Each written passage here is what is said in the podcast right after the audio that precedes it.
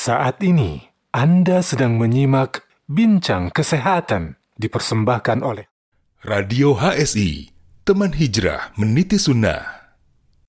Bismillahirrahmanirrahim. Assalamualaikum warahmatullahi wabarakatuh. Alhamdulillah wassalatu wassalamu ala rasulillah amma ba'du. Rabbi li sadri wa yassir li amri wa uqdatan min lisani yafqahu qawli. Assalamualaikum sahabat Radio HSI teman hijrah meniti sunnah. Alhamdulillah dari studio HSI Abdullah Roy, saya Ilham Pradipta menemani Anda sekeluarga pada hari Rabu malam yang berbahagia ini di program Bincang Kesehatan Radio HSI. Insya Allah seperti yang kita ketahui bersama, insya Allah dalam waktu 19 hari lagi Ramadan kita akan tiba. Bulan Ramadan merupakan bulan umat mm, Islam yang dinanti-nantikan. Bulan diturunkannya Al-Quran, bulan penuh ampunan, penuh keberkahan. Setiap amalan yang dilakukan akan dilipat gandakan dan umat muslim berlomba-lomba meraih pahala kebaikan. Serta menjalankan puasa dalam rangka menjalankan rukun iman yang ketiga. Tak terkecuali dengan anak-anak. Para orang tua pun mulai mengajarkan anak-anaknya untuk berpuasa di bulan Ramadan dengan penuh ketakwaan. Namun apa saja nih yang harus diketahui para orang tua yang harus disiapkan dalam rangka untuk membersamai Ananda menjalankan ibadah puasa di bulan Ramadan. Bagaimana tips agar anak-anak dapat berpuasa dengan lancar dan tetap sehat? Mari kita simak bekal Ramadan untuk Ananda secara lengkap bersama Dr. M. Rizal Altwe, spesialis anak. Assalamualaikum dokter. Waalaikumsalam warahmatullahi wabarakatuh. Insya Allah, gimana kabarnya dok? Sehat? Baik, Alhamdulillah. Alhamdulillah, Alhamdulillah. Saat ini dokter sedang ada di rumah dok ya? Kalau Di kita rumah, melihat ya. Backgroundnya nih.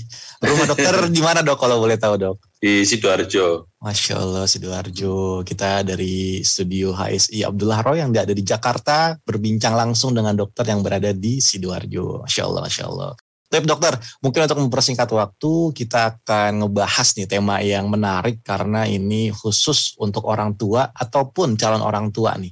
Jadi bisa belajar sedari dini apa saja nanti misalnya memiliki anak, tips-tips untuk mengajari mereka berpuasa gitu anak-anaknya. Nah, Nah kalau untuk di bulan Ramadan nih dok, sebentar lagi bulan Ramadan gitu ya. Untuk anak-anak dok, ini apakah ada perbedaan kondisi tubuhnya pada saat puasa atau seperti ketika mereka tidak berpuasa dok? Eh, sebetulnya tidak terlalu berbeda ya. Jadi antara anak dan orang dewasa itu kalau secara umum, secara kondisi secara umum tidak, ber- tidak berbeda. Cuman ada beberapa hal yang harus diperhatikan bahwa anak itu sedang tumbuh. Jadi kalori atau kebutuhan kecukupan makanannya itu lebih besar sebetulnya perhitungannya per kilogram berat badan daripada orang dewasa ataupun yang remaja gitu ya. Sehingga dalam menjalani puasa ini terutama anak-anak yang belum balik ya, belum balik itu diharapkan mereka itu eh, tetap mendapat asupan yang sesuai dengan kebutuhan kebutuhannya dia itu untuk baik untuk untuk nutrisinya maupun untuk tumbuh kembangnya. Hmm. Biasanya biasanya kekhawatiran orang tua itu adalah hanya masalah laparnya aja sebetulnya bukan masalah laparnya tapi kecukupannya nanti pada saat dia puasa itu.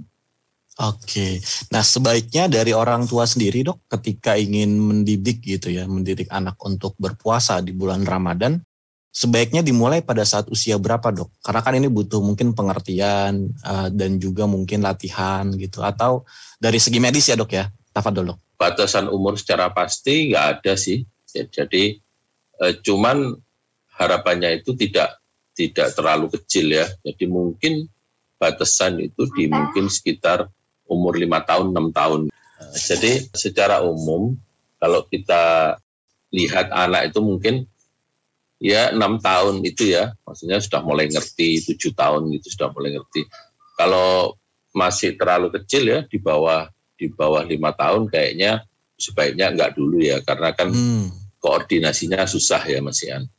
Kemudian Oke. kalau misalnya misalnya toh misalnya berkeinginan untuk anak yang sekitar ya lima tahunan itu mungkin ya puasanya tidak harus full. tidak gitu. harus full ya. Jadi untuk seperti melatih aja mereka supaya lebih tahu gitu aja secara secara umum tapi nggak sampai detail seperti sampai antara sahur sampai sampai maghrib gitu kayaknya belum dulu. Nah, biasanya kalau di sekitar tujuh tahunan itu yang memang sudah sudah mulai koordin, koordinasinya baik, kemudian kemampuan untuk komunikasi itu juga baik, biasanya itu hmm. sudah mulai bisa diajarkan perlahan-lahan gitu ya kan belum balik juga ya jadi belum ada kewajiban ya, ya. ada kewajiban betul hmm. untuk pelatihan berarti dok ya yeah. kalau masih usia usia di bawah tujuh tahun tapi yeah. sebetulnya tidak ada pengaruh terkait dengan metabolisme anak walaupun misalnya orang tua tuh bisa mengkondisikan anaknya di usia di bawah tujuh tahun untuk berpuasa gitu dok ya jadi metabolismenya tidak ada efek uh, jika harus puasa panjang gitu enggak jadi yang penting kan kecukupan makanannya kan hmm. terpenuhi ya jadi kan sebetulnya kita juga puasa itu kan kecukupan makanan kita itu cuma digeser aja ya. Jadi hmm. waktu waktu asupannya itu jadinya nggak nggak pagi, siang, malam gitu ya. Jadinya kan buka terus sahur gitu ya. Nah, hmm. yang penting itu diperhatikan kecukupannya itu, kecukupan seberapa banyak seberapa banyak uh, asupan yang didapatkan sama anak itu sehingga total selama 24 jam dia itu asupannya tetap cukup. Oke, okay. gitu. taib, taib, taib. Dok, ini kan sering banget uh, ada istilah di dunia medis itu untuk orang dewasa berpuasa itu kan salah satu terapi detox kalau saya tidak salah hmm. ya dok ya. Ya, itu kan berlaku kepada orang dewasa mungkin yang sudah mengonsumsi banyak makanan-makanan yang hmm, kurang sehat gitu misalnya. Nah, tapi kalau untuk anak-anak sendiri bagaimana dok? Ini ada manfaat nggak untuk eh, anak-anak uh, yang sejak kecil sudah terbiasa saum, tapi mereka kan belum banyak jajan-jajanan yang aneh-aneh kayak orang dewasa gitu dok? Atau ada manfaat lain gitu? Tafadol dok. Sebetulnya kalau seperti untuk detox segala macam itu nggak ada penelitian khusus ya kalau untuk hmm. anak-anak. Hmm. Biasanya yang yang diutamakan itu adalah anak itu anak itu yang penting dia itu belajar untuk uh, berpuasa gitu ya. Kalau untuk anak-anak yang biasanya yang yang perlu perhatian itu malah anak-anak yang remaja gitu ya. Remaja hmm. itu karena biasanya malah mereka makannya itu tidak tidak optimal ya. Karena hmm. kalau misalnya yang agak yang masih kecil itu kan masih di pantauan orang tua ya. Tapi kalau untuk anak-anak yang kira-kira remaja itu kan sering tidak terpantau. Padahal mereka masih tumbuh juga ya. Jadi kalau batas anak itu memang kalau syariat kita kan batasnya balik ya. Hmm. Tapi kalau untuk medis itu kan batasnya itu antara dalam kandungan sampai 18 tahun. Oh, okay. Gitu. Nah, jadi kalau misalnya dia itu kalau kita sebut anak secara medis ya sampai hmm. antara 15 sampai itu tetap kita harus perhatikan pertumbuhannya. Jadi asupannya itu walaupun dia balik ya, tapi kalau hitungan dari medis itu tetap anak gitu ya. Jadi tetap dia harus di harus disesuaikan, uh, disesuaikan asupan, asupan makanannya dok ya. Iya. Oke, okay. nah dok kalau untuk, nah tadi kan kita ngomongin masalah makanan nih, juga tadi kan concernnya atau info dari Bisa dokter juga penjelasan dokter bahwa makanan itu penting gitu untuk anak-anak, apalagi yang masih tadi umur 0, 0 atau baru lahir sampai atau tadi usia 7 tahun gitu sampai 18 tahun. Nah, untuk porsi makan yang baik sebetulnya seperti apa sih dok untuk anak-anak gitu? Apakah ada takaran tertentu atau memang harus memenuhi nilai-nilai gizi yang sudah ditentukan dalam dunia medis dok? Ya, Afadol. kalau di medis itu ada istilahnya kecukupan gizi berdasarkan umur ya. E, kalau di misalnya di kayaknya di tadi saya e, di yang saya kirim via email itu ada di bagian bawah itu tabel seperti tabel gitu. Nanti mungkin kalau bisa ditampilkan ditampilkan itu eh, kebutuhan kebutuhan kalori berdasarkan umur. Jadi anak itu kebutuhan kalorinya itu setiap setiap fase umur itu berbeda. Jadi misalnya antara anak umur di bawah setahun ya, dengan anak umur sekitar toddler 4 5 tahun itu beda. Hmm. Jadi nanti itu sebetulnya bisa kita hitung eh, kalorinya. Kalorinya ini kan kalau ngitung kan ter, istilahnya terlalu matematis ya, terlalu matematis. Nah, itu sebetulnya bisa di bisa di aplikasikan dengan cara ada tadi saya kirim juga itu persamaan tentang ukuran rumah tangga. Jadi misalnya eh, 100 100 gram nasi itu berapa berapa kalori sih gitu ya. Iya, iya. Nah, itu nanti bisa dihitung. Dan itu ngitungnya nggak harus tiap hari gitu yang itu kira-kira aja pokoknya kalau sudah pernah tahu sudah pernah tahu ya sudah gitu ya. Jadi kira-kira segitu. Jadi Nah, jadi- dihafal. Jadi ya kan itu kan nggak harus dihitung setiap hari. Jadi yang penting tahu tahu eh, proporsi yang yang diberikan pada anak ini eh, sesuai gitu ya sudah. Jadi masalah kita juga saat ini itu bukan hanya bukan hanya kekurangan gizi ya, tapi kelebihan gizi juga cukup banyak sekarang. Hmm. Jadi, Jadi kalau kita baca referensi-referensi di WHO itu masalah anak itu kekurangan makan di beberapa negara, kita juga sudah mulai masuk di era di mana kelebihan makanan itu juga jadi masalah yang cukup besar gitu ya. Karena biasanya kalau kalau orang tua itu kan punya pemikiran eh, gemuk itu sehat gitu ya, Hmm. hanya gemuk itu senang gitu ya. Padahal kalau dari paradigma yang sekarang kita menganut bahwa normal itu sehat. gitu ya. Jadi bukan bukan gemuk itu sehat, normal itu sehat. Normal itu sehat.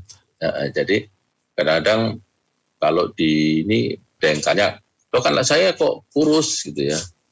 Eh, kemudian kita coba upload di grafik pertumbuhan kan ada grafik pertumbuhan anak itu bisa di download di mana-mana ya di Hmm. internet banyak. Itu kalau kita lihat oh grafiknya normal. Jadi dia masuk area anak yang normal. Nah, itu kadang-kadang sering diartikan bahwa anak itu kurus kalau di di perumahan atau di dekat rumahnya gitu banyak anak-anak gemuk gitu ya. Jadi kesannya dia jadi yang nggak normal gitu padahal yang si anak ini normal. Jadi Hmm. kebutuhan kita untuk untuk anak yang puasa ini yang penting memenuhi kalori Standar. yang dibutuhkan anak ini. Nah, kalori ini kalau sudah cukup ya sudah berarti sudah terpenuhi. Toib, toib, toib. Jadi tadi eh, Hmm. kalorinya eh, harus dipenuhi oleh anak-anak yang Hmm. ingin saum berarti ya. Dan itu ada hitung-hitungannya dan bisa di googling sama sahabat Radio HS ini. Toib, kita kasih kesempatan mungkin buat sahabat eh, yang mau googling.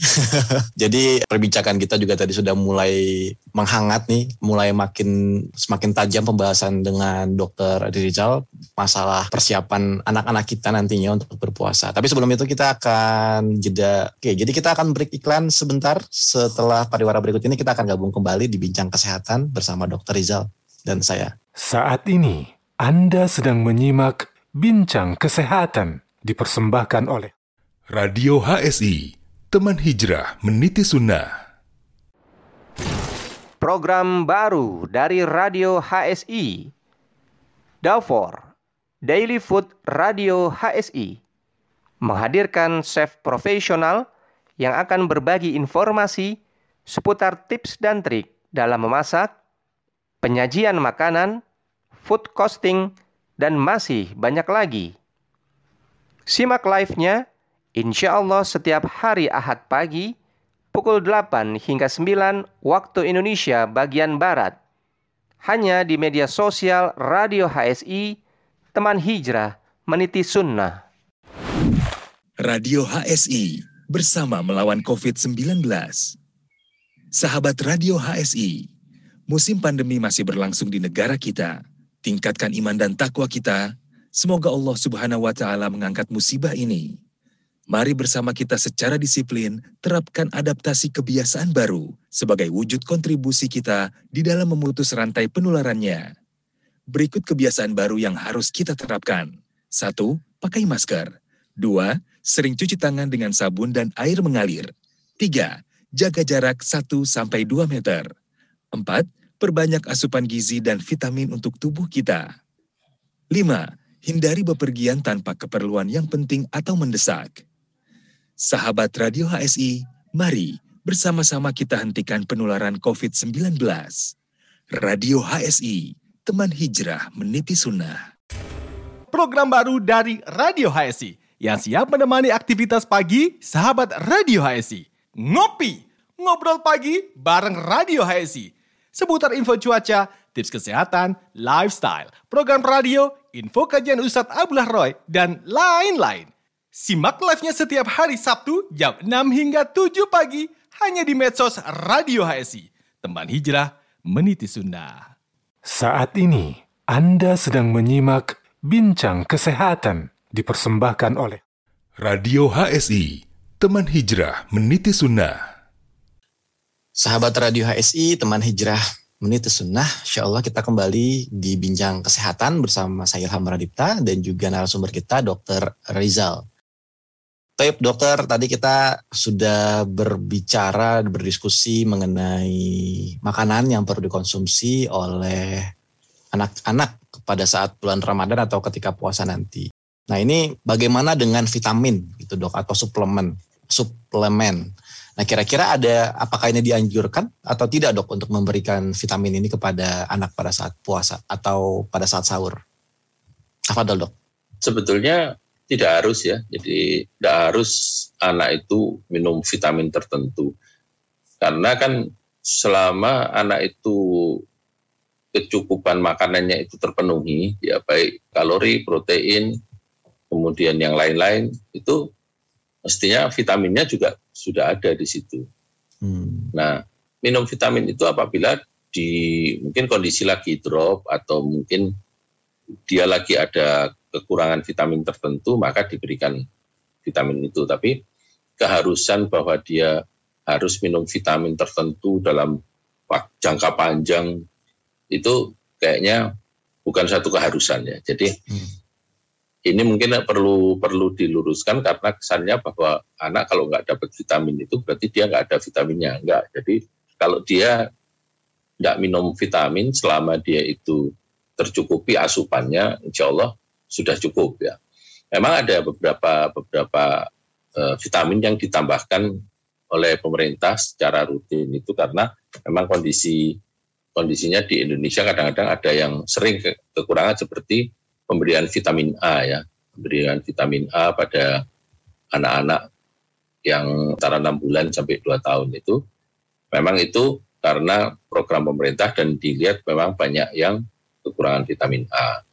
Tapi untuk anak yang sehat dan dia sudah tercukupi vitaminnya dari dari asupan, nah itu tidak harus dia itu meminum vitamin secara khusus. Jadi bukan suatu keharusan tapi diperbolehkan berarti dok ya memberikan ya. vitamin kepada anak. Iya. Jenis-jenis vitaminnya apakah apakah perlu untuk konsultasi kepada dokter terlebih dahulu atau bisa diberikan sesuai dengan apa ya namanya ya mungkin orang tua membeli di apotek gitu dok misalnya vitamin A tadi, vitamin C, vitamin D gitu misalnya? Uh, biasa, Atau tetap biasanya sih vitamin itu gini, vitamin itu kan terbagi jadi vitamin larut lemak dan larut air. Nah, vitamin larut air ini relatif aman.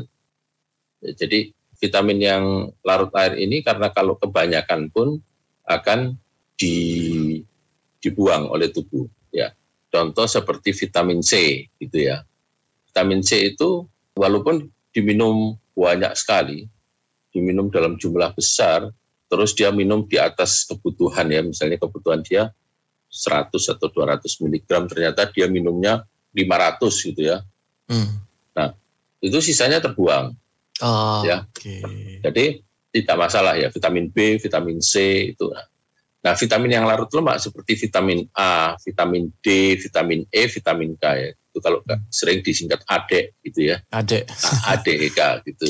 Nah, itu itu vitamin-vitamin yang larut di dalam lemak ya. Ini, ini harus hati-hati pemberiannya karena kalau pemberian jangka terlalu panjang dan terlalu terlalu banyak itu tersimpan. Jadi itu bukan oh, okay. tersimpan dalam jumlah yang besar mungkin yang contoh muda ya yang sering-sering di kita lihat di lapangan itu anak-anak kadang-kadang badannya kuning gitu ya datang ke praktek badannya kuning dok kenapa saya tanya asupan makanannya apa oh dikasih wortel dikasih wortel sama dikasih labu kuning rutin setiap hari sehari sekian kali gitu sehingga akhirnya di dalam wortel dan labu kuning ini kan ada beta karoten beta karoten ini awal jadi ya pre prenya spraynya vitamin A gitu ya. Nah, beta karoten ini disimpan di dalam tubuh dalam jumlah besar sehingga anaknya kuning. Biasanya kuning itu kuning tangannya, Tapi matanya nggak sampai kuning, yang kuning tangannya sama mukanya biasanya.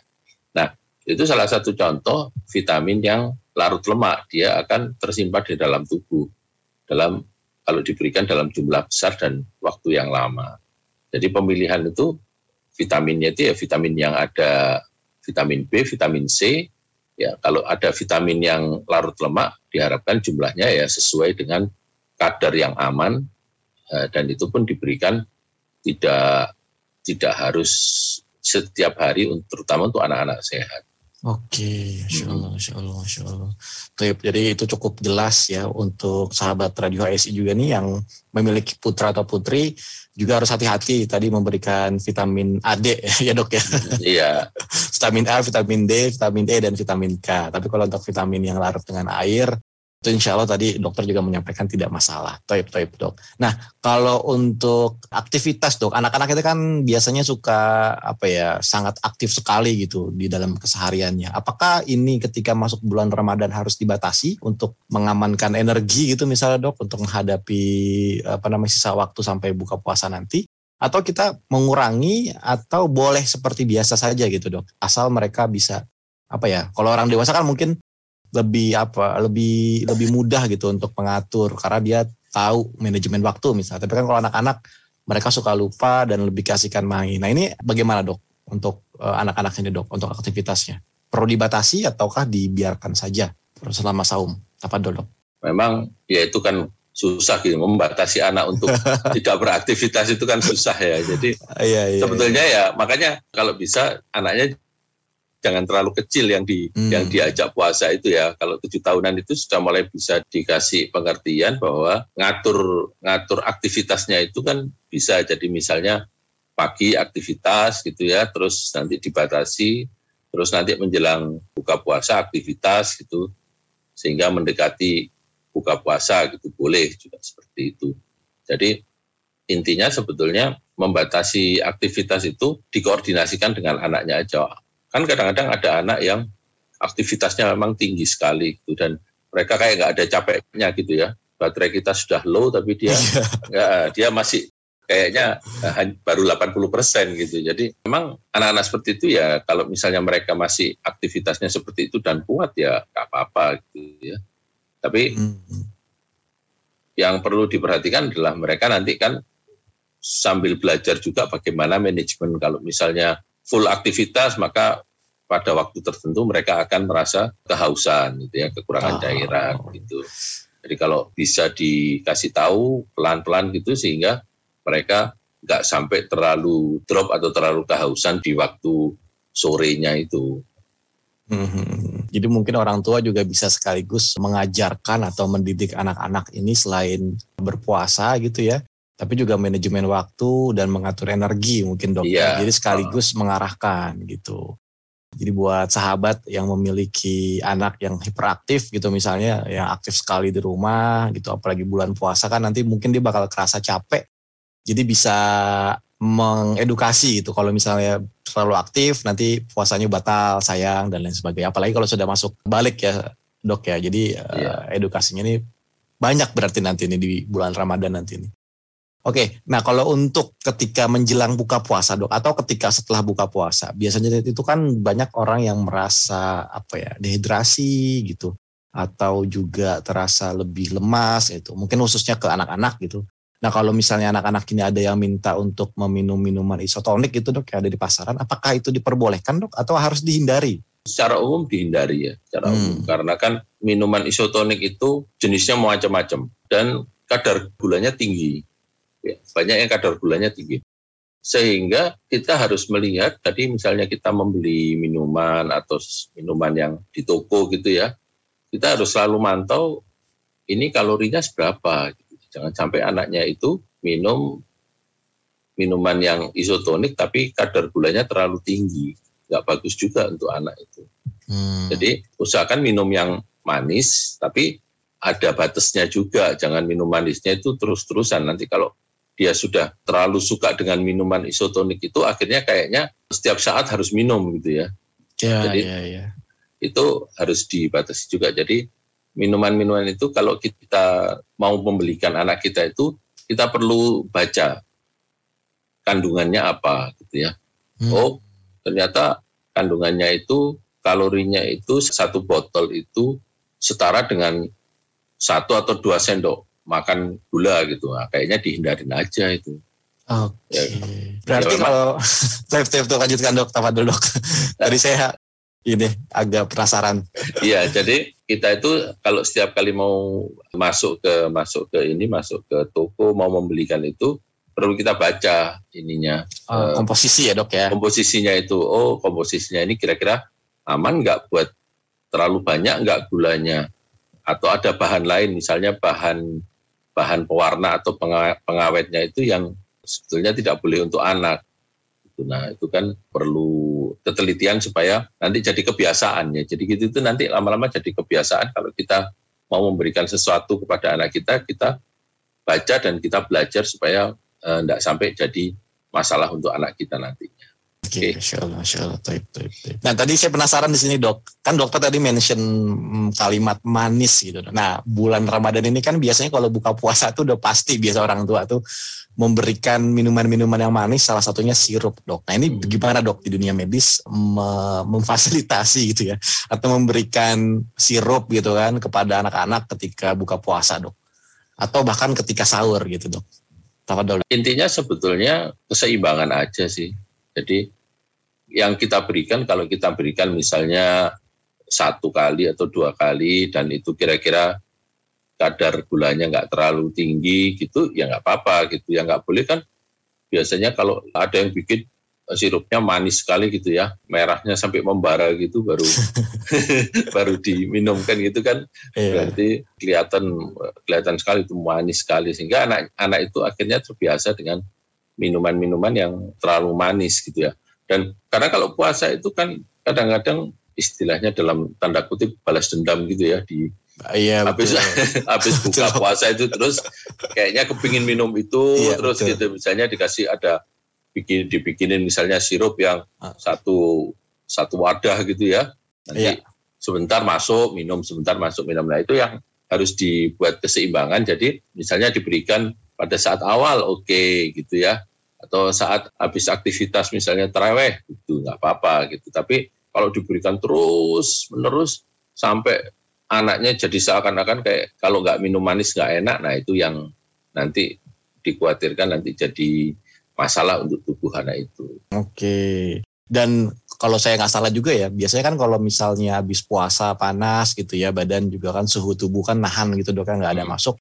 Tiba-tiba masuknya es dan manis gitu kan, itu malah adanya radang tenggorokan dan juga panas dalam berarti dok ya. Betul tidak dok? enggak sih Enggak juga Sebetulnya. berarti.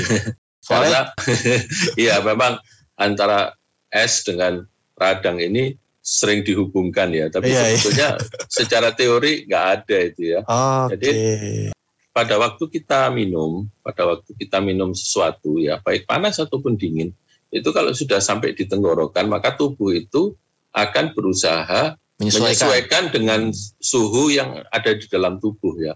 Jadi memang enak dinginnya itu cuma di di tenggorokan aja. Nanti kalau sudah turun dari situ ya sudah sama Ah. aja nanti suhunya disesuaikan. Nah, tentang radang itu kadang-kadang ada yang merasa bahwa oh nanti jadi radang belum tentu belum tentu jadi karena gini mungkin kadang-kadang orang merasa kok kok nggak enak lehernya bisa jadi misalnya orang itu beli es yang dingin terus pemanisnya itu pemanis yang eh, nggak pas buat dia gitu ya. Dan dia jadi nggak enak tenggorokannya. Tapi sampai radang radang itu memerlukan virus atau bakteri untuk jadi radang.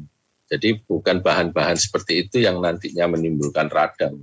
Oke, Nah ini kan jadinya kayak semacam mitos gitu dok, bukan mitos Iya. ya. Jadi kayak dikait-kaitan kalau orang sakit radang atau apa namanya tenggorokan batuk-batuk gitu, pasti orang tuanya ngomelin anaknya makan es terus. Gitu. Saat ini Anda sedang menyimak Bincang Kesehatan dipersembahkan oleh Radio HSI, teman hijrah meniti sunnah. Program baru dari Radio HSI. Davor, Daily Food Radio HSI, menghadirkan chef profesional yang akan berbagi informasi seputar tips dan trik dalam memasak, penyajian makanan, food costing, dan masih banyak lagi.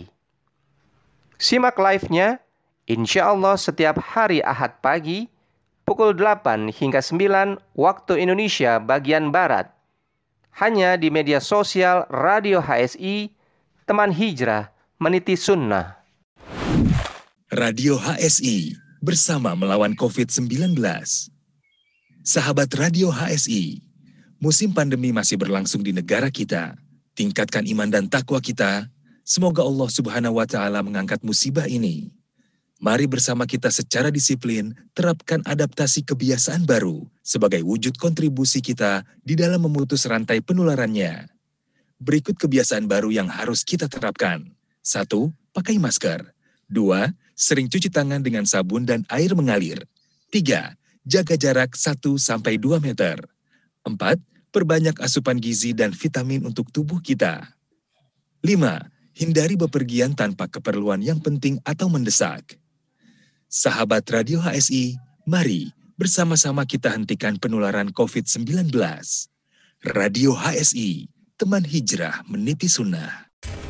Program baru dari Radio HSI yang siap menemani aktivitas pagi sahabat Radio HSI. Ngopi, ngobrol pagi bareng Radio HSI. Seputar info cuaca, tips kesehatan, lifestyle, program radio, info kajian Ustadz Abdullah Roy, dan lain-lain. Simak live-nya setiap hari Sabtu jam 6 hingga 7 pagi hanya di medsos Radio HSI. Teman hijrah, meniti sunnah. أعوذ بالله من الشيطان الرجيم Program Ramadan HSI Peduli 1442 Hijriah.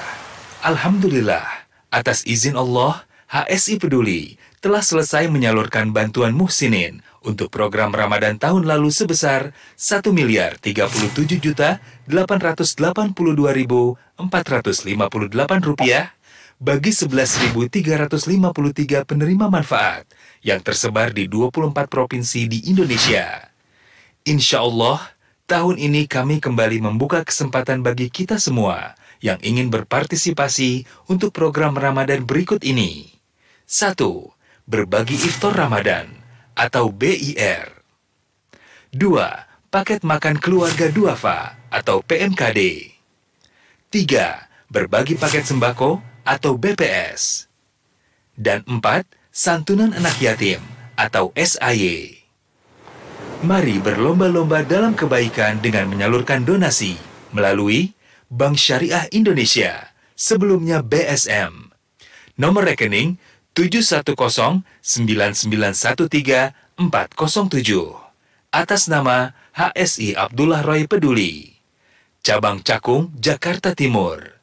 Jangan lupa sertakan kode unik 500 di akhir nominal. Contoh, Rp1.500.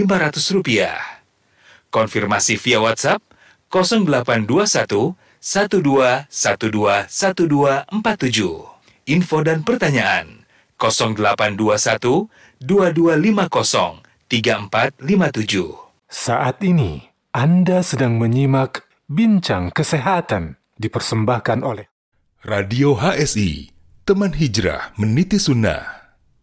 Baik, sahabat Radio HSI, teman hijrah meniti sunnah. Kita kembali di Bincang Kesehatan bersama saya Ilham Radipta dan narasumber kita Dr. Rizal.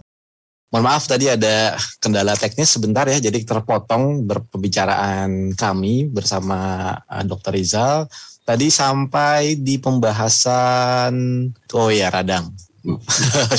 nah untuk membuat puasa yang sehat nih untuk anak-anak dok. Ini tips dari dokter nih secara medis bagaimana dok? Sebenarnya tipsnya itu yang utama adalah kenali dulu kebutuhan makanan anak itu secara umum, kemudian usahakan penuhi kebutuhannya itu, kemudian variasinya di karbohidrat, protein, lemak itu dan buah itu dilengkapi saya rasa kalau itu sudah bisa di, disesuaikan maka nggak apa-apa. Yang penting di sini sebetulnya orang tua itu mengetahui kebutuhan anaknya itu secara global, kemudian kebutuhan kalorinya, kemudian membagi makanan itu menjadi karbohidrat, protein, lemak, buah-buahan, atau kadang ada yang membagi dengan metode empat bintang ya. Ada okay. metode empat bintang, itu nanti kalau sudah tahu metode empat bintang maka mudah kok itu hanya membagi antara protein, eh, kacang-kacangan, lemak, Hmm. sayur itu. Ini ada sayuran C, ada bahan Ah. makanan, bayam merah. Mungkin bisa Iya. dibantu dijelaskan dok lebih detail. Sepertinya saya sendiri juga kurang paham. Jadi sebetulnya itu kebutuhan kebutuhan makanan untuk jadi kita mesti ngitung dulu, mesti ngitung dulu kebutuhan besarnya. Jadi kebutuhan besarnya itu istilahnya kebutuhan secara umum misalnya anggap aja anak antara umur 4 sampai 6 tahun ya, kebutuhannya dia itu kira-kira sekitar 90 kalori per kilogram berat badan. Ah, 90 kalori Per kilogram berat per badan. kilogram berat badan. Hmm. Kalau kita sudah tahu itu, maka kita sudah punya gambaran. Misalnya anaknya itu kalau empat tahun itu berarti beratnya misalnya kita anggap ya sekitar 15 gitu ya, 15 kilo. 15 kilo tuh usia berapa tahun ya dok kira-kira ya? Mungkin Antara 4 sampai kalau 6 bisa sekitar 20-an lah oh, gitu ya. 6 tahun tuh 20 kilo Iya. berarti ya. kira-kira ya. Kira-kira. Mhm. Jadi kalau kita ambil yang tengahnya sekitar 15 gitu misalnya ya, Mm-mm. 15 dikali 90 berarti kan kebutuhannya itu 1350 gram Kalor, ke- eh kalori, kalori. kalori per harinya. Ber- Berarti itu kebutuhan besarnya dulu. Nanti setelah itu baru di Bagi. dibagi-bagi ya. Jadi Oh, misalnya kebutuhan kalorinya seberapa. Misalnya ya, misalnya kalau kita pakai patokan misalnya yang makan besarnya aja dulu ya, yang, yang makan besarnya dulu itu berarti makan nasinya ya. Mm. Nasi itu kira-kira nasi itu kalau nasi 100 gram itu kira-kira dia akan memenuhi sekitar kira-kira ya 175 kalori gitu ya. Kira-kira ya. Mm. Kemudian biasanya kalau makan dengan lauk, terus bisa ayam atau serat gitu, seratnya, nah itu seratnya itu yang ditunjukkan itu seratnya yang ambil yang kisaran sekitar 25 sampai 30 gram. Oke. Kalau it- itu kalau misalnya nasi dihitung nasi yang 100 gram itu berapa kalori Mm-mm. itu terus lauknya sekian kalori itu rata-rata kalau anak lima tahunan gitu makannya ya sekitar 300 sampai 350 kalori kalori sekali makan ya dok ya. sekali makan Hmm. sekali makan itu nah Ini dok materi ini bisa dicari di googling nggak dok? Jadi orang tua mungkin bisa, Bisa banyak kok cari banyak. bisa. keywordnya apa dok kalau boleh tahu? ini apa sebetulnya bahasa Inggrisnya ini requirement energy expenditure Oke. jadi Kebutuhan energi untuk eh, atau anak. nutritional requirement gitu ya aja nutritional keluar kok. requirement. Tapi bahasa Indonesia apa bahasa Inggris dok nanti yang keluar ya dok? Iya. Jadi kalau udah ketemu besarnya mulai kecilnya itu di- dibagi-bagi. Nah, bagi kecilnya itu nanti bisa lihat di bahan penggantinya itu. Oh, kalau 100 gram nasi itu kira-kira sekian kalori, 175 kalori ditambah ini lauk 3300. Nah, nanti diperkirakan misalnya oh makannya sehari kalau dia tidak puasa gitu ya. Kita nggak Mhm. dia nggak puasa itu kan anggap aja kalau kita anggap 300 itu 300 itu kali 3 gitu ya. 300 kali 3 berarti kan 900-an. Nah, yang 450 ini kan dari yang lain-lain, snack, kemudian makanan tambahan, minuman yang mungkin bukan air ya, jadi minuman Hmm. minuman lain yang bukan air, yang manis. Itu kan nanti kalorinya dihitung semua. Nanti kira-kira biasanya kebutuhannya itu sekitar gitu 1350 1400 kalori. Nanti kalau pada saat puasa eh, kebutuhan totalnya sama ya. Kebutuhan globalnya tidak berubah. Tapi Cuman- cara mengasuh Nah. caranya itu yang berubah Ya, nanti ya. nanti misahnya itu ya misalnya yang di buka puasa itu kan gini ada buka puasa yang pembukaannya dulu Ya, tajil kalau orang-orang bilang dok ya. ya pembukaannya dulu takjil kemudian setelah itu baru yang Berat makan yang ya. besarnya eh, kemudian nanti biasanya habis traweh gitu kadang-kadang ada ada tambahan cemilan atau cemilan kecil atau besar ya bisa mau ada yang biasa pakai cemilan kecil besar terserah nanti disesuaikan dengan kebutuhannya kemudian nanti selesai itu kan sudah tercukupi untuk mulai dari buka sampai menjelang tidur kemudian nanti di sisanya dimasukkan di sahur Hmm. Nah, masukkan di sahur. Nah, di sahur itu kira-kira seberapa? Memang ya kalau hitungan itu jangan nanti saklek ya. jangan saklek nanti ini kebutuhannya 1350 gitu. Ternyata kurang 50 gram. Wah, anaknya dipaksa makan. Kan kebutuhan itu. ya, kadang-kadang kalau kita menampilkan angka seperti ini, kekhawatiran kita itu adalah nanti seakan-akan kalau angkanya kurang sedikit atau kelebihan sedikit itu jadi masalah besar. Enggak, jadi ini kan Hmm. range-nya lebar. Karena range-nya lebar, jadi sebetulnya santai aja. Jadi maksudnya kalau misalnya di hari tertentu dia kurang, tapi di besoknya itu dia lebih, ya nggak masalah gitu. Yang penting secara umum terpenuhi. Oke. Taib, taib, taib. Nah dok, ini mungkin pertanyaan awam saya kali ya. Itu kan dari hitung-hitungan yang tadi dokter bagikan, yang ada di sebelah Hmm. kiri saya ya, ini di layar yang mungkin sahabat Radio ASI menonton. Sebetulnya seberapa penting dok bagi orang tua untuk menerapkan hitung-hitungan yang ada di sini nih dalam kehidupan sehari-hari dok? Karena kan orang tua sekarang kan mungkin ngelihatnya kok repot ya ny- nyiapin makanan aja harus ditakter gitu. Nah, apakah harus ya seperti eh, normal orang lainnya nggak perlu ngelihat apa namanya angka-angka tersebut atau memang tetap harus mengikuti acuan tersebut dok? Jadi kalau misalnya orang tua ingin menghidangkan kepada anak tuh mengkalkulasi apa saja yang diberikan dan mungkin dicatat gitu dan lain sebagainya. Apakah seperti itu dok? Sepenting itu atau ya sudah biarkan saja gitu? Mau makan apa dikasih jadi kayak kira-kira aja gitu. Tafadol dok. Betul. Sebetulnya ngitung gitu itu kan nggak harus setiap hari ya. Paling Hmm. hitungnya itu kan mungkin dia sekali aja. Terus setelah itu kan biasanya kalau sudah sudah biasa tahu kan kira-kira kalau sudah tahu misalnya kalor- kalori kalorinya kalorinya Berapa gram gitu ayam ya. eh, ayam kalorinya telur kalorinya ini kira-kira segini oh ya sudah berarti kira-kira cukup lah.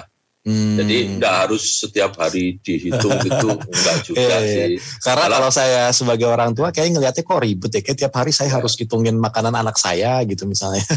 Nah, biasanya itu kan saya ambil dari eh, apa bagian gizi di rumah sakit karena kalau di rumah sakit semua kan dihitung ya itu Ah, pemberian kalorinya. Tapi kalau kita sehari-hari, yang penting kita tahu aja, kita tahu aja gambaran kira-kira kalau daging itu, kalau kira-kira daging itu se 25 gram, 50 gram itu kalorinya seberapa sih kira-kira cocok nggak saya berikan pada anak saya gitu.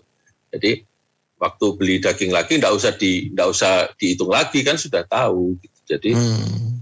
cukup untuk kira-kira tahu oh kira-kira kalorinya sekian lah ini jadi sudah cukup dan intinya kan sebetulnya anak itu kan tidak akan membiarkan dirinya itu dia kekurangan makanan itu kan Hmm. fitrahnya manusia gitu ya Iya. yang perlu sebetulnya perlu ditingkatkan dari orang tua itu adalah bagaimana memberikan makanan pada anak ini yang seimbang Hmm. karena kalau anaknya mau dikasih misalnya nasi aja dengan sat- eh, dengan misalnya dengan sayur atau dengan garam, ya pasti dia makan juga ya karena dia kan punya kebutuhan. Ya. Tapi kita sebagai orang tua misalnya, oh saya bisa membagi antara oh ini karbohidratnya misalnya nasinya dikasih 100 gram, nanti lauknya sekian gram, ini ada sayurnya, ada tambahan eh, lain-lainnya sehingga hmm, pada waktu diberikan pada anak itu masuk ke dalam tubuh anak dalam kondisi yang eh, seimbang dan membuat tumbuh kembangnya itu jadi bagus. Oke, taib taib. Nah ini untuk bapak dan ibu nih yang nonton dan mendengarkan mungkin harus membiasakan mm, dan memaksakan diri agar terbiasa eh, dengan hitungan-hitungan tadi yang sudah disampaikan oleh dokter nih. Karena memang harus eh, dibiasakan dulu biar hafal gitu ya dok ya. Jadi nggak perlu Iya. dibaca atau ditaker setiap hari gitu. Makanya mungkin istri saya tuh di rumah suka agak apa namanya aware gitu atau was-was ketika saya ngasih jajanan anak eh, jajanan kepada anak saya gitu kayak ngasih biskuit itu harus hati-hati gitu. Ternyata ada hitungannya. Iya. Masya Allah, Masya Allah. Ini memang harus disiapkan nih. Jadi orang tua itu banyak yang harus dipelajari berarti dok ya. iya.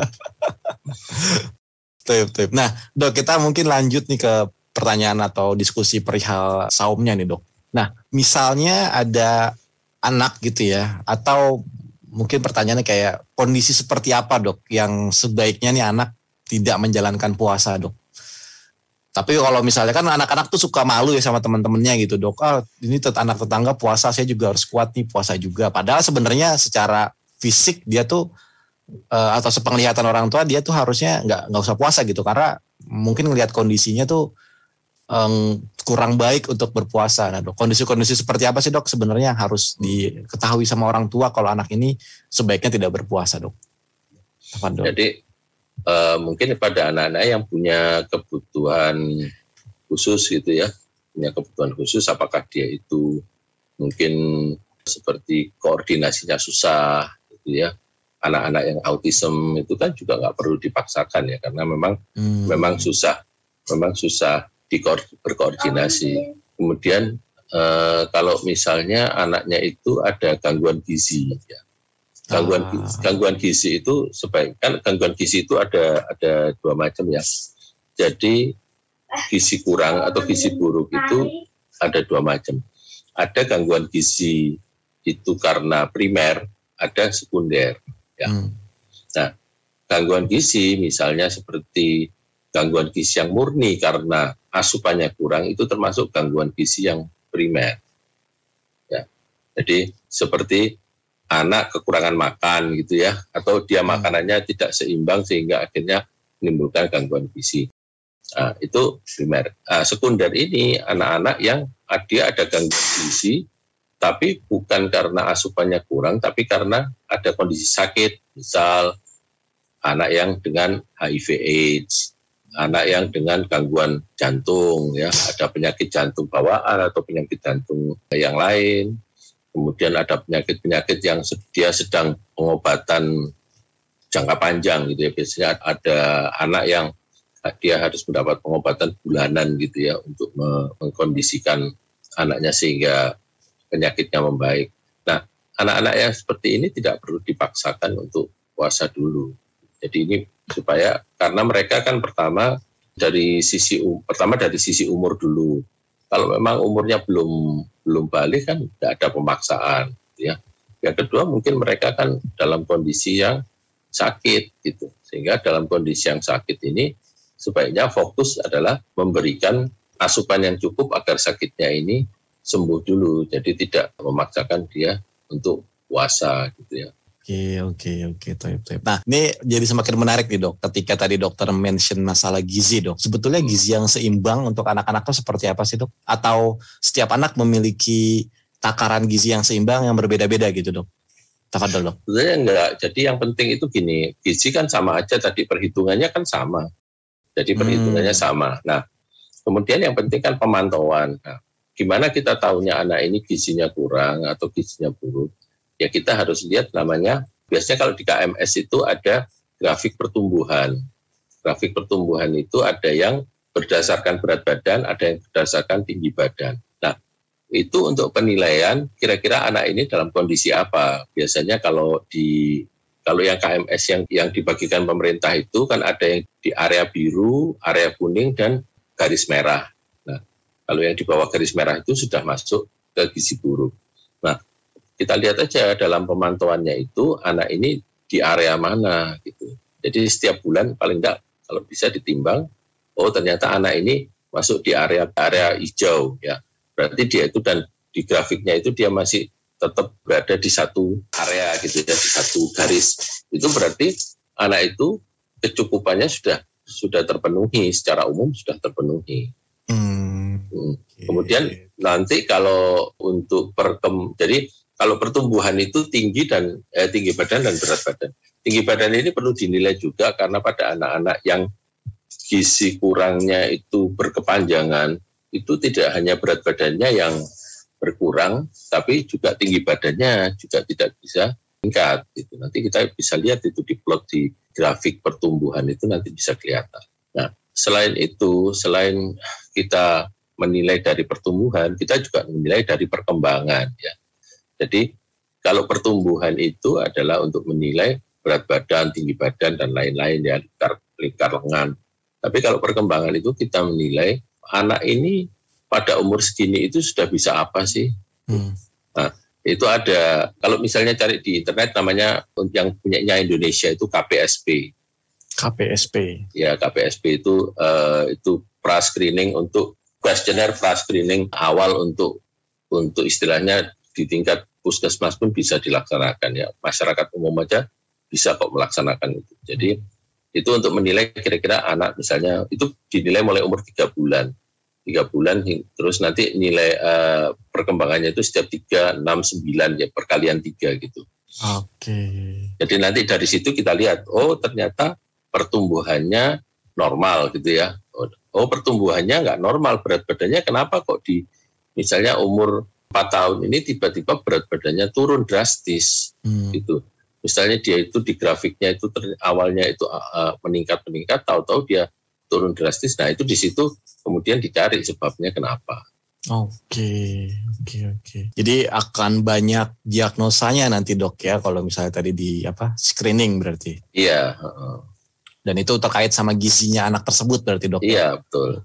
Oke, masya Allah, masya Allah. Nah dok ngomongin masalah gizi nih, minum susu itu memiliki efek juga nggak sih dok untuk gizi ataupun kepada puasanya nih dok?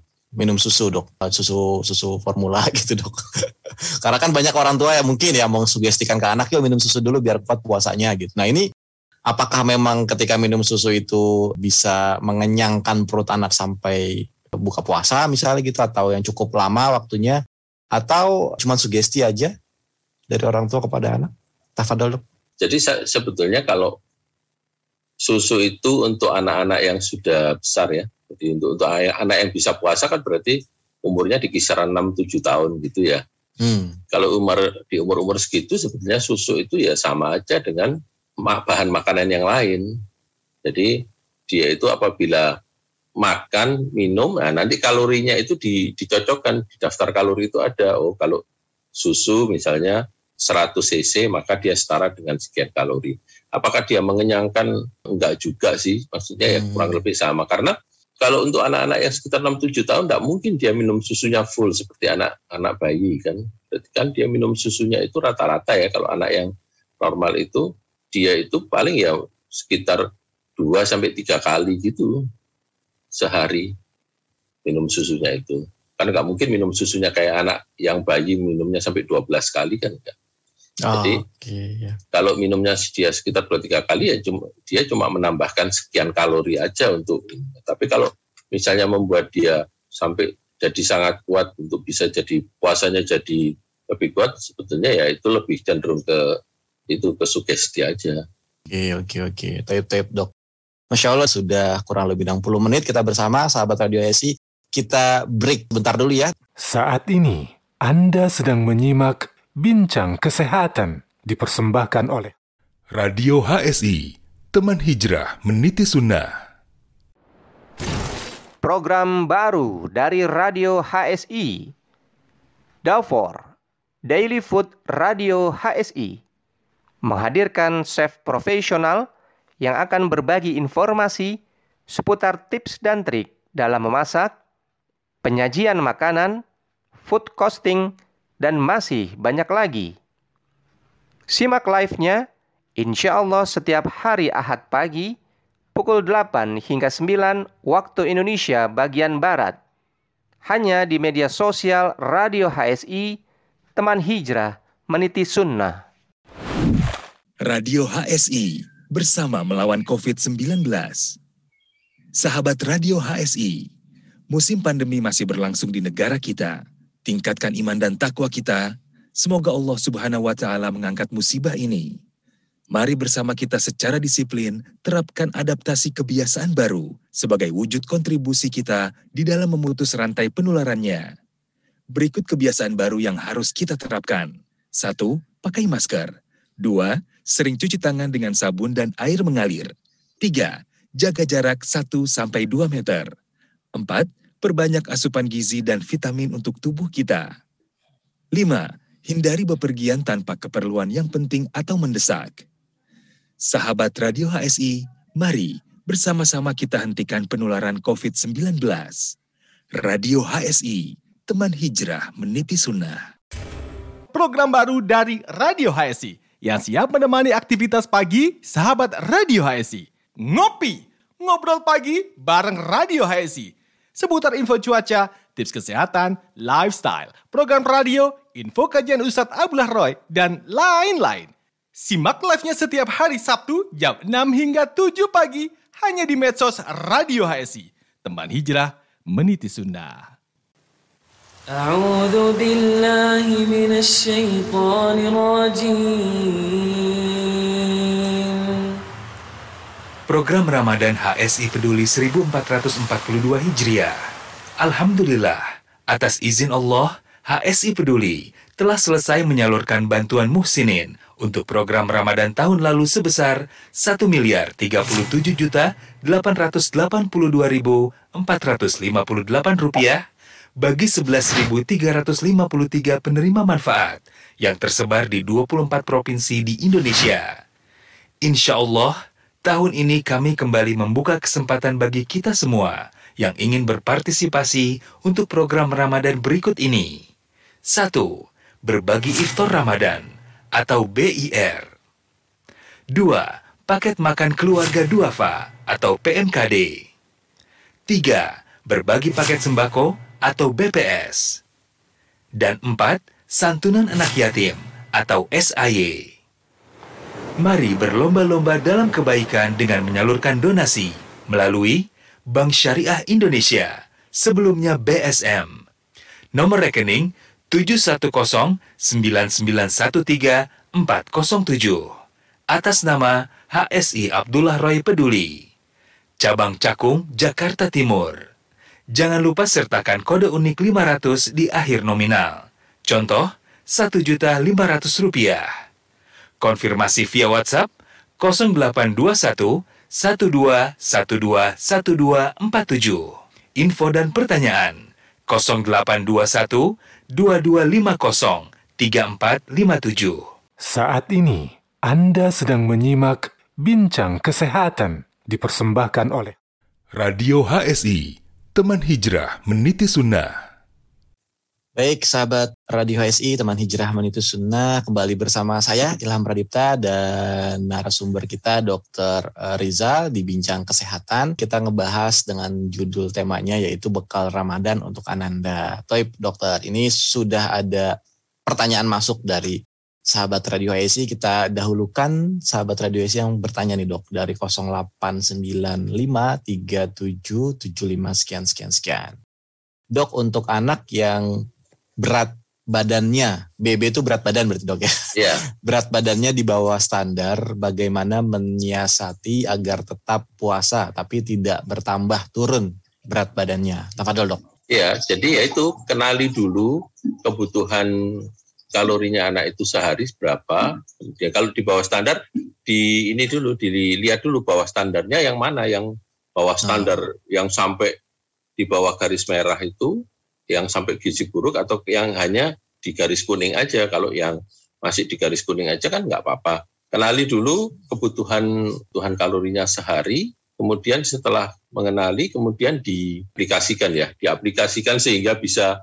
Jadi kan kalau orang makannya makanlah seribu kalori gitu ya kan bingung ya makannya kan pokoknya ya satu piring nasi sama lauk Hmm. dan sebagainya. Jadi jadi kebutuhan kalorinya itu di dijadikan makanan yang sehari-hari itu dihitung sehingga cukup. Nah, dengan begitu kalau dia sudah punya kebutuhan kalorinya cukup dengan dengan eh, ya dengan yang sehari-hari itu, maka insya Allah maka berat badannya akan sesuai terus gitu.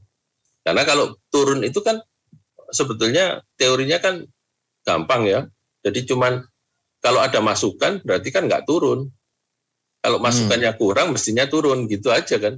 Kalau Ah, kalau dia itu bertambah turun bertambah turun yang harus kita pantau apakah nggak nggak ada asupan atau asupannya tidak ada kuat atau mungkin ada penyerapan yang terganggu. Nah, kalau misalnya anaknya normal, sehat, tidak ada masalah, tidak ada penyakit dan lain-lain, kemungkinannya ya kalau dia bertambah turun berarti asupannya yang kurang gitu ya. Hmm. Nah, kita cuman punya punya jalan agar tidak kurang kita berikan makanan-makanan yang sesuai. Nah, sebetulnya nanti itu bisa juga pada bahan penukar itu bisa bisa dipelajari. Kita mencari makanan-makanan yang eh, jumlahnya kecil tapi kalorinya tinggi.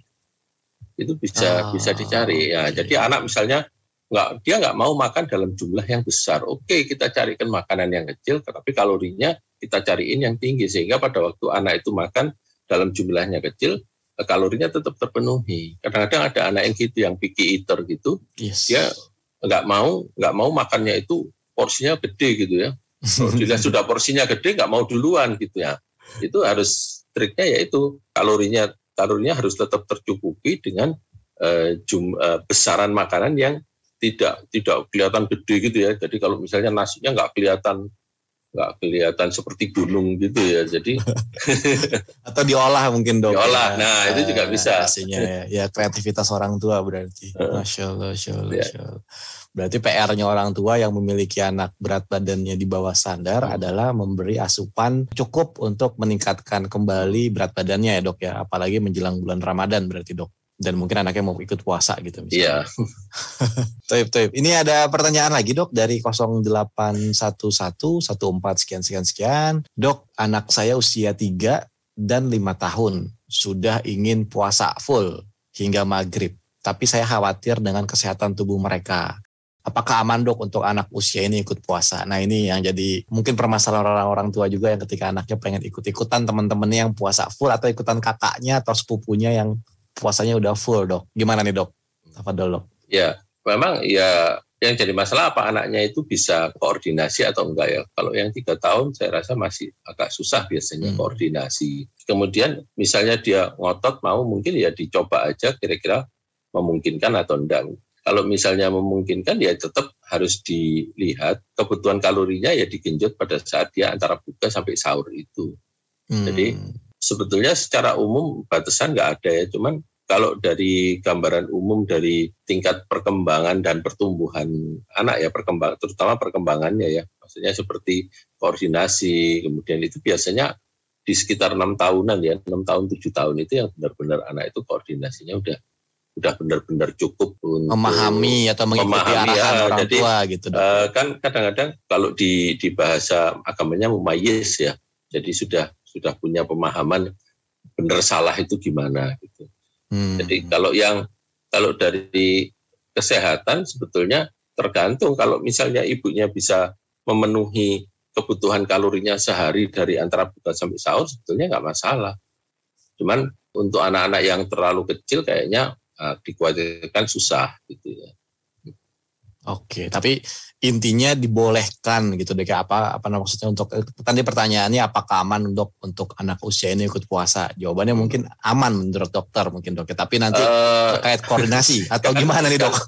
Kan, kalau kalau bilang aman itu kan saya harus tahu kondisi anaknya dulu gitu okay. ya. Kalau nggak mungkin saya bilang aman tapi saya nggak tahu kondisi anaknya. Jadi oh, iya, kayaknya iya, iya. Uh, kan nanti kalau saya misalnya bilang aman berarti kan aman untuk semua orang. Nah ini belum tentu oh, gitu. Iya betul betul. Ini case per case berarti ya. Iya jadi bisa juga aman untuk satu orang, bisa nggak aman untuk satu orang. Gitu. Jadi ya, lihat, lihat. atau bisa konsultasikan ke dokter spesialis anak terdekat. Iya. Tapi kalau saran saya sih jangan terlalu kecil mungkin ya. Iya, atau mungkin bisa buat belajar kali dok. Maksudnya Kalau ya, belajar aja mungkin ya nggak apa-apa ya belajar aja. Tapi bo boleh nggak sih dok orang tua itu kayak menyenangi anak gitu. Misalnya anak umur tiga tahun nih mah, misalnya atau apa gitu. Saya mau ikut puasa ya nggak silakan. Tapi kalau nggak iya. kuat nggak buka puasa juga nggak apa-apa. Iya itu memang gitu masalah ya. Ya nggak masalah lah. Oke oke oke. Karena kan kalau buat orang tua baru gitu uh, agak bingung gitu dok hmm. untuk bersikap seperti apa kepada anak-anaknya seperti ini. Gitu. Taip taip taip. Mudah-mudahan terjawab ya tadi ibu atau bapak ini saya juga kurang tahu yang bertanya. Tadi dokter sudah cukup jelas sih sebenarnya menjelaskan. Oke, ini pertanyaan selanjutnya dari Umu Muhammad. Eh, dok, sekarang ada vitamin dalam bentuk permen kenyal. Itu apakah aman untuk kesehatan gigi anak, dok? Tafadol, dok. Iya, kalau vitamin itu biasanya mestinya dia makannya tidak tidak terlalu banyak ya. Jadi vitamin itu biasanya kalau disaran di apa petunjuknya itu petunjuknya minumnya itu paling ya sekali sehari gitu ya. Paling banyak dua kali sehari. Untuk anak yang di bawah lima tahun rata-rata sih sekitar satu kali sehari. Nah, hmm. bentuknya bentuknya permen gitu ya. Nah bentuknya permen kan apalagi kenyal biasanya disarankan untuk anak-anak yang agak besar ya. Karena kalau untuk anak-anak misalnya setahun dua tahun kayaknya nggak disarankan terlalu terlalu susah untuk untuk berkoordinasi eh, untuk punya permen kenyalnya ini. Saya rasa untuk anak agak besar. Kemudian kalau untuk sekali sehari, kemudian setelah dilakukan eh, diberikan vitamin itu, kemudian anaknya minum air putih atau sikat gigi, saya rasa nggak nggak terlalu berbahaya untuk kesehatan giginya. itu pun juga case per case kita lihat gigi anaknya saat ini seperti apa. Gitu ya. Kalau misalnya giginya anaknya sekarang itu giginya bagus, terawat dan dan lain-lain, maka ya nggak ada masalah. Kalau tapi kalau giginya sudah punya punya bakat karies dan lain-lain, nah itu memang bisa jadi menambah menambah kariesnya itu. Oke kan dilihat dulu giginya. Kalau secara aman secara umum mungkin aman ya karena kan memang biasanya kalau untuk vitamin dalam bentuk tertentu itu sebelum keluar kan harus ada izin dari Badan POM dan lain-lain segala macam itu kan tentunya sudah dipertimbangkan masalah-masalah seperti itu. Cuman kalau untuk pemberian seka dalam jumlah yang sesuai dengan petunjuk, insya Allah tidak apa-apa. Oke, tape, tape, tape. Tapi bentuk permen ini walaupun vitamin juga tetap harus dibatasi berarti dok ya, karena bentuknya itu berarti kan bukan karena misalnya kayak saya orang awam gitu me, me, menanggapi itu kan vitamin gitu kalau misalnya dimakan ya boleh kapan aja misalnya gitu tapi kalau udah bentuknya berbeda tetap ada batasan gitu dok ya ya kan tetap komposisi harus dilihat ya hmm. kalau misalnya walaupun vitamin kalau kayak kita kan nggak mungkin minum vitamin itu kira-kira 10 kali sehari kan nggak mungkin Oh. Berarti kan minum vitamin itu kan rata-rata paling ya satu kali satu, sehari. Ya. Nah, sekarang kalau sudah bentuknya permen terus membuat permennya apa vitaminnya boleh dimakan 10 kali, nah ini jadi masalah. Ini karena yeah. sudah biasanya keluar dari petunjuknya, kemudian komposisinya yang mestinya aman jadi nggak aman dan lain-lain. Nah itu perlu di perlu diperhatikan. Jadi mungkin kalau diberikan sesuai dengan diberikan mungkin untuk anak agak besar nggak apa-apa. Ya. Hmm, lain halnya kalau anaknya ini apa namanya anaknya tantrum gitu dok, pengen makan disangkanya itu permen nah, gitu. nah itu yang harus ini jadi harus pinter-pinter orang tua nih. Oh, oh. Tricky soalnya nih untuk hmm. anak-anak nih. Insya Allah, insya Allah. Mudah-mudahan terjawab ya Umu Muhammad ya. Yeah. Ini ada pertanyaan lagi dari Umu Gendis. Dok, kalau minuman isotonik yang di pasaran tadi kan lebih baik tidak diminum ya. Lalu kalau minum air kelapa gimana dok? Sama air putih lebih baik mana? Tafadol dok. Ya. Kalau lebih baik saya rasa semua itu kalau diminum secara proporsional pasti baik gitu ya.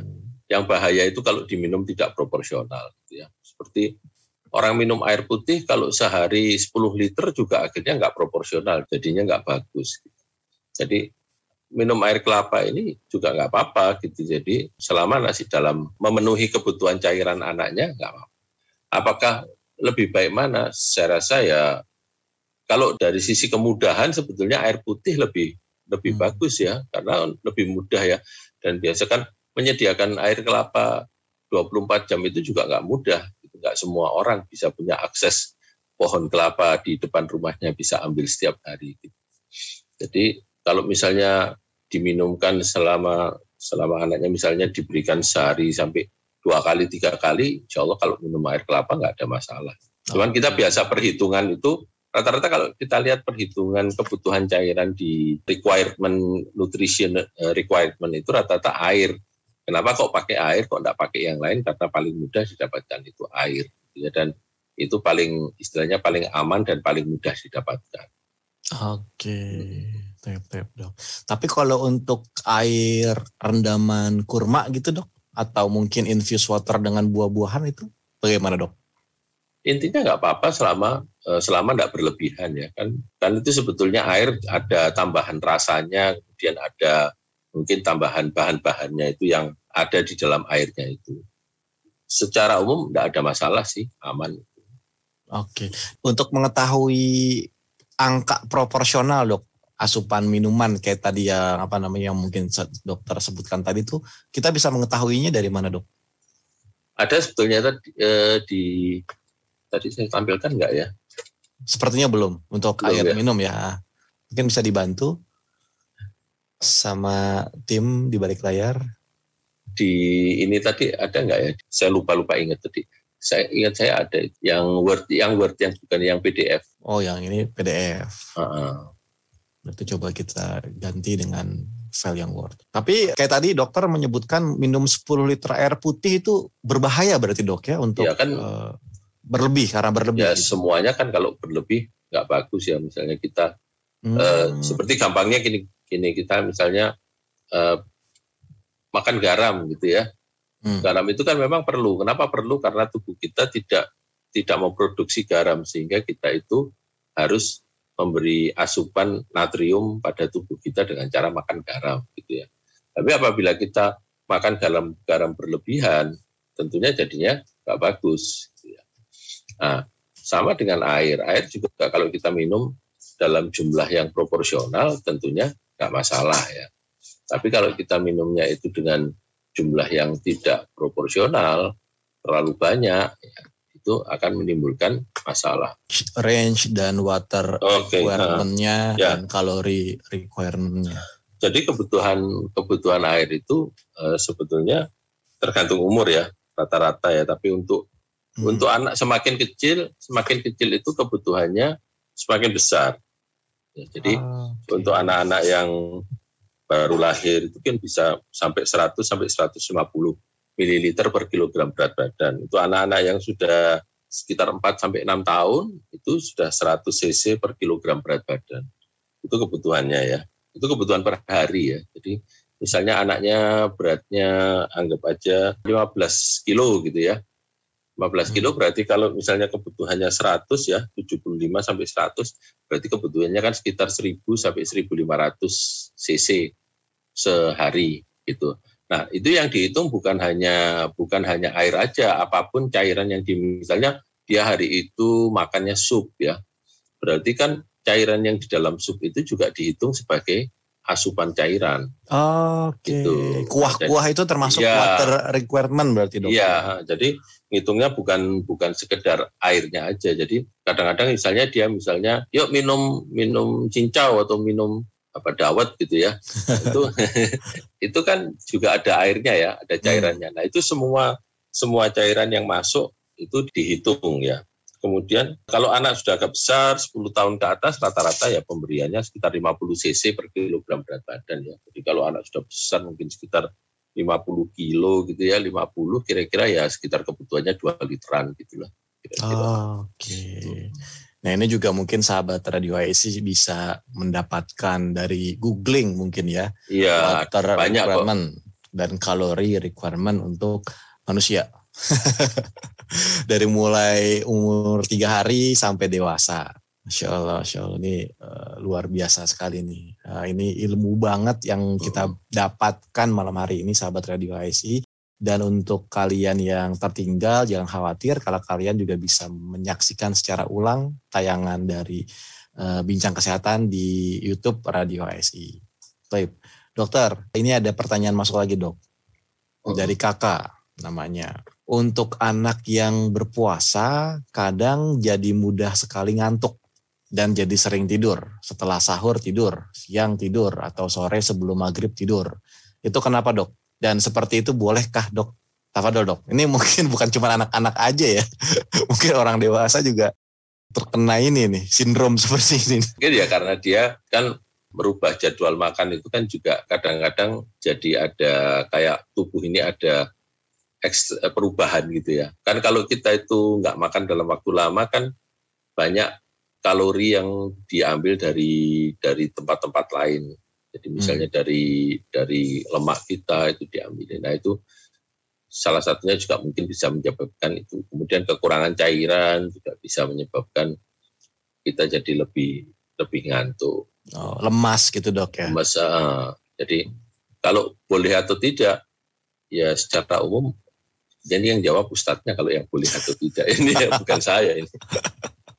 secara umum mungkin mungkin ya, eh, saya rasa tidurnya nggak nggak ada masalah ya, selama dia memang benar-benar merasa lagi nggak nyaman, apalagi anak ya, anak kan dia kita lihat proporsinya kalau anaknya itu memang memang belum waktunya puasa dan memang sampai terganggu, memang ya mungkin ya sebaiknya tidak tidak dipaksakan. Kalau dia bisanya puasa tapi tidurnya jadi banyak ya nggak apa-apa ya biar aja. Yang penting kan dia belajar belajar puasa dulu.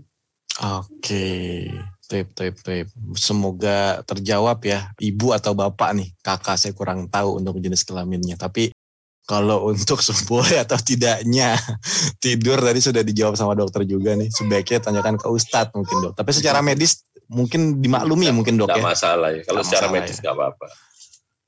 apalagi tadi energinya terserap uh, dan juga mungkin karena pengaruh dari perubahan jam tidur mungkin dok ya karena Ya, kan harus bangun tidur, ya. sahur gitu kan Uh, terus apa namanya tapi kalau misalnya habis sahur tidur habis makan tidur tuh boleh dok karena tadi ada ada dimension Eh, setelah sahur tidur gitu ini berbahaya atau tidak dok Kalau secara secara medis berbahayanya sih enggak ya. Kalau secara medis ya. Memang ada beberapa penelitian yang menye- menyatakan bahwa eh, sebaiknya tidak langsung tidur dan segala macam memang ada seperti itu. Tapi kalau sampai bahayanya itu dalam istilahnya bahaya dalam waktu dekat kayaknya enggak. Hmm, Oke oke oke oke. Soalnya kan yang saya tahu itu kalau habis makan tuh nggak boleh tidur dok. Jadi apakah nanti jadi berbahaya? Apalagi bangun tidur, sahur terus tidur, eh, mungkin sholat subuh terus tidur lagi gitu. Saya pikir itu akan mempengaruhi metabolisme tubuh gitu salah satunya. Karena Mungkin iya tapi tidak akan menimbulkan masalah dalam waktu yang pendek gitu ya. Tapi kalau dia sering rutin baru itu jadi Ah, masalah dok. Oh, kemungkinan oke. gitu. Jadi kalau sesekali gitu ya, tapi tetap aja kan nggak boleh ya. Maksudnya diusahakan Iya. tidak sampai kekenyangan dan apa namanya ngantuk gitu habis makan dan tertidur. Masya Allah, Masya Allah. Tapi Masya Allah ini tidak terasa eh, sahabat Radio S ini. Insya Allah kita sudah 90 menit bersama Dr. Rizal menemani sahabat Radio HSI pada program Bincang Kesehatan di malam hari ini ya. Insya Allah kita akan bertemu kembali di hari Sabtu dan Ahad pagi dalam program kami yaitu Ngopi, Ngobrol Pagi bareng Radio HSI. Dan di hari Ahad malam juga ada program Bincang Motivasi Hijrah. Pastikan sahabat Radio HSI tidak terlewat karena insya Allah akan banyak faedah yang dapat kita ambil. Tapi sebelum kita tutup nih, biasanya kan kita akan minta kesimpulan ataupun tips dari narasumber kita. Kepada Dr. Rizal, kita persilakan untuk memberikan tips nih kepada para pemirsa sahabat Radio HSI yang ingin mengetahui sesuai dengan tema kita nih, bekal Ramadan untuk Ananda. Tafadol, dokter. Intinya sebetulnya kalau kalau untuk puasa pertama kalau memang belum waktunya jangan dipaksakan itu aja karena kan selama anak itu belum balik kan memang belum wajib jadi tidak perlu dipaksakan dalam artian terlalu berlebihan kemudian kenali kebutuhan kebutuhan anak itu kebu- kebutuhan terutama ke- kebutuhan asupannya ya ke- kebutuhan asupannya itu sehingga dengan dengan mengetahui kebutuhan asupannya itu maka kita tahu anak kita itu dalam masa puasa ini kebutuhan untuk nutrisi dan pertumbuhannya itu tetap tercukupi. Sehingga tidak sampai uh, ada kekhawatiran-kekhawatiran misalnya anaknya jadi uh, kurang atau yang lain karena puasa itu. Dan memang puasa ini kan pembiasaan jadi hanya pembiasaan perubahan jadwal dan lain-lain dan itu memang tidak bisa tidak bisa optimal dalam waktu yang singkat ya. Mungkin waktu lima tahun belum optimal enam tahun agak sedikit ada perubahan tujuh tahun 8 tahun mungkin setelah dia umur 9 10 tahun gitu baru benar-benar eh, seperti yang kita inginkan. Jadi nggak perlu merasa bahwa dalam saat dia umur lima tahun sudah harus sesuai dengan keinginan kita nggak harus kayak gitu.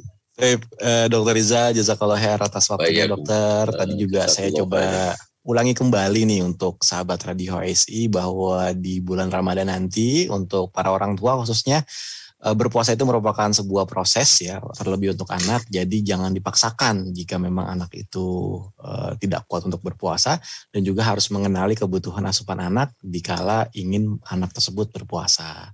Taib, Masya Allah. Dan untuk sahabat Radio SI yang baru join nih, sayang sekali karena kita acaranya sudah di hujung, di penghujung acara nih. Eh, Dan tapi tenang aja karena kalian bisa melihat atau mereplay kembali tayangan bincang kesehatan malam hari ini di channel YouTube Radio HSI. Terus juga kalian bisa memantau website di www.radiohsi.com dan bisa mengakses semua media sosialnya untuk melihat eh, program-program kita yang lainnya. Jangan lupa juga untuk eh, subscribe dan juga eh, aktifkan lonceng YouTube-nya agar kalian tidak ketinggalan acara-acara terkini dan juga informatif dan juga seru dan tetap dalam koridor Islam di Radio HSI. Dan kita juga terbuka untuk uh, menerima kritik serta saran dari sahabat Radio HSI uh, bisa disampaikan ke nomor official Radio HSI di 0822 1994 2005. Toib, uh, sahabat Radio HSI, insya Allah kita akan jumpa kembali. Dan semoga Allah tetap menguatkan kita berjalan di atas manhaj yang lurus ini serta menjadikan semua usaha kita berbuah pahala dan ampunannya Saatnya saya Ilham Pradipta beserta narasumber kami, Dr. M. Rizal Altwe, spesialis anak, dan seluruh kerabat kerja yang bertugas dari studio HSI Abdullah Roy, kami pamit undur diri. Kita tutup dengan doa kafaratul majlis, subhanakallahumma wa bihamdika, syahadu an la ilaha illa anta astaghfiruka wa atubu ilaik. Assalamualaikum warahmatullahi wabarakatuh. Radio HSI, teman hijrah, community sunnah. Saat ini, Anda sedang menyimak Bincang Kesehatan dipersembahkan oleh Radio HSI, teman hijrah meniti sunnah.